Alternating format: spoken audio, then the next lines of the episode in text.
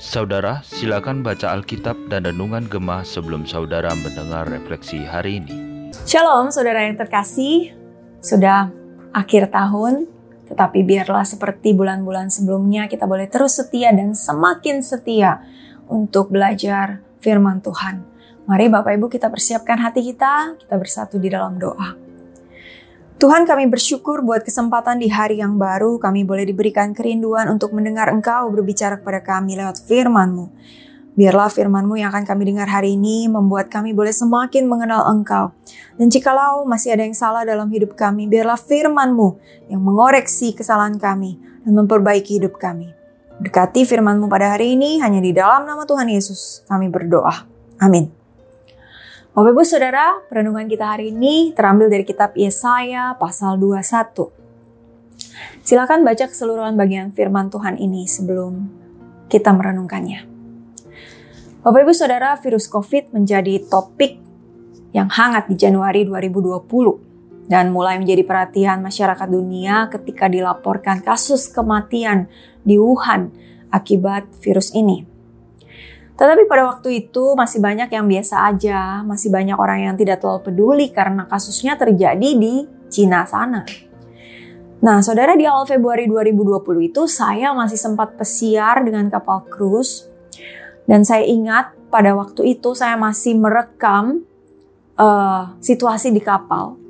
Bagaimana orang itu banyak yang santai-santai, nggak ada satupun yang pakai masker. Kenapa harus panik? Dan ketika saya mau pulang ke Indonesia lewat airport Singapura, itu situasi di airport sepi, saudara. Padahal beberapa hari sebelumnya ketika kita tiba, itu masih normal banget, masih rame.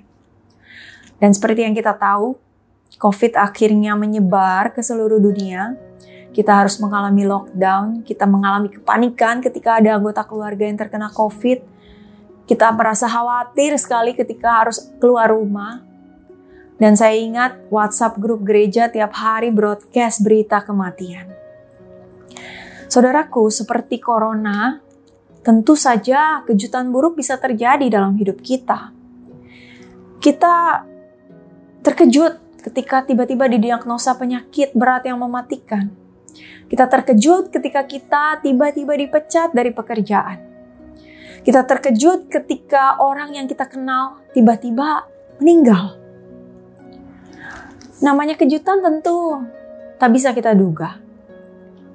Nah, di dalam firman Tuhan yang akan kita baca hari ini, kita akan melihat bagaimana bangsa Babel yang merasa paling hebat, paling besar itu harus ditimpa oleh kejutan besar yang mematikan. Mari saya bacakan Yesaya 21 ayat 1 sampai 10 dari Alkitab terjemahan baru. Ucapan ilahi terhadap padang gurun di tepi laut seperti puting beliung menerjang tanah Negeb, demikianlah kedatangannya dari padang gurun, dari negeri yang menakutkan. Suatu penglihatan yang mengerikan diberitakan kepadaku. Pengkhianat berkhianat, perusak merusak. Majulah hai elam, kepunglah hai madai. Semua keluh kesah yang ditimbulkannya akan kuhentikan. Sebab itu pinggangku amat sakit, sakit mulas menimpa aku seperti sakit mulas perempuan yang melahirkan. Aku terbungkuk-bungkuk karena apa yang kudengar. Aku terkejut karena apa yang kulihat. Hatiku terguncang, kegentaran meliputi aku. Senja yang kurindukan diubahnya menjadi sesuatu yang menakutkan. Meja disiapkan, tempat-tempat duduk diatur, orang makan dan minum. Hai panglima-panglima, bersiaplah, minyakilah perisai. Beginilah firman Tuhan kepadaku. Pergilah, tempatkanlah seorang pemantau, apa yang dilihatnya haruslah diberitahukannya. Apabila ia melihat pasukan, pasang-pasangan tentara berkuda, pasukan keledai, pasukan unta, ia harus memperhatikannya dengan sungguh-sungguh, dengan sangat seksama. Kemudian berserulah orang yang melihat itu. Di tempat pemantauan ya Tuanku, aku berdiri sehari penuh, dan di tempat penjagaanku aku bersiaga semalam suntuk. Lihat, sudah datang sepasukan orang, pasang-pasangan tentara berkuda, Lalu berserulah ia, Sudah jatuh, sudah jatuh Babel, dan segala patung berhalanya berserakan di tanah. Hai bangsaku yang ditebah dan diirik, apa yang kudengar dari Tuhan semesta alam Allah Israel telah kuberitahukan kepadamu. Demikian jauh pembacaan firman Tuhan. Saudara firman yang tadi kita baca, itu berisi tentang penglihatan Nabi Yesaya akan kejatuhan Babel yang pada akhirnya tergenapi. Babel yang ketika itu sedang santai menjalani kehidupan rutinnya tiba-tiba diserang oleh orang Persia. Dan itu membuat mereka sangat tidak berdaya. Kita lihat tadi dalam firman Tuhan dikatakan, sakit mulas menimpa aku seperti sakit mulas perempuan yang melahirkan. Saudara buat kita yang pernah mengalami melahirkan, itu buat saya pribadi rasanya seperti mau mati. Yang pernah juga pasti tahu rasanya. Jadi kita bisa bayangkan bagaimana perasaan bangsa Babel waktu itu yang jaya dan perkasa sering kali digambarkan sebagai kekuasaan yang melawan Allah tiba-tiba dikalahkan, runtuh. Sama seperti cerita COVID tadi saudara, tidak ada manusia yang bisa menduga-duga apa yang akan terjadi. Manusia tidak bisa menduga rencana dan kehendak Allah. Mungkin Ketika waktu itu bangsa Israel mendengar nubuat Yesaya, mereka pun ragu dan bertanya-tanya. Mungkinkah Babel yang perkasa itu dikalahkan? Tetapi ketika firman Tuhan itu akhirnya digenapi, di situlah mereka melihat dan percaya akan kemahakuasaan Allah. Saudara, dalam hidup kita, ketika kita harus mengalami kejutan yang mematikan itu, ketika berbagai persoalan yang berat Tuhan izinkan terjadi dalam hidup kita. Bagaimanakah respon kita? Apakah kita akan meragukan Allah? Apakah mungkin? Apakah Allah bisa menolong saya keluar dari situasi ini?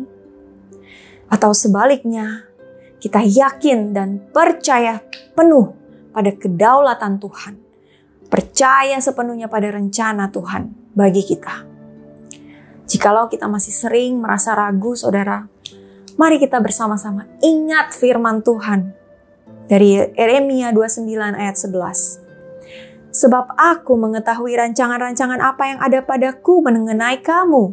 Demikianlah firman Tuhan, yaitu rancangan damai sejahtera dan bukan rancangan kecelakaan untuk memberikan kepadamu hari depan yang penuh harapan.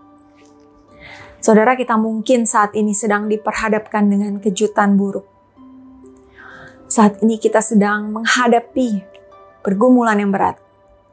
Tetapi ingatlah bahwa di depan kita terbentang hari depan yang penuh harapan. Amin. Mari kita berdoa.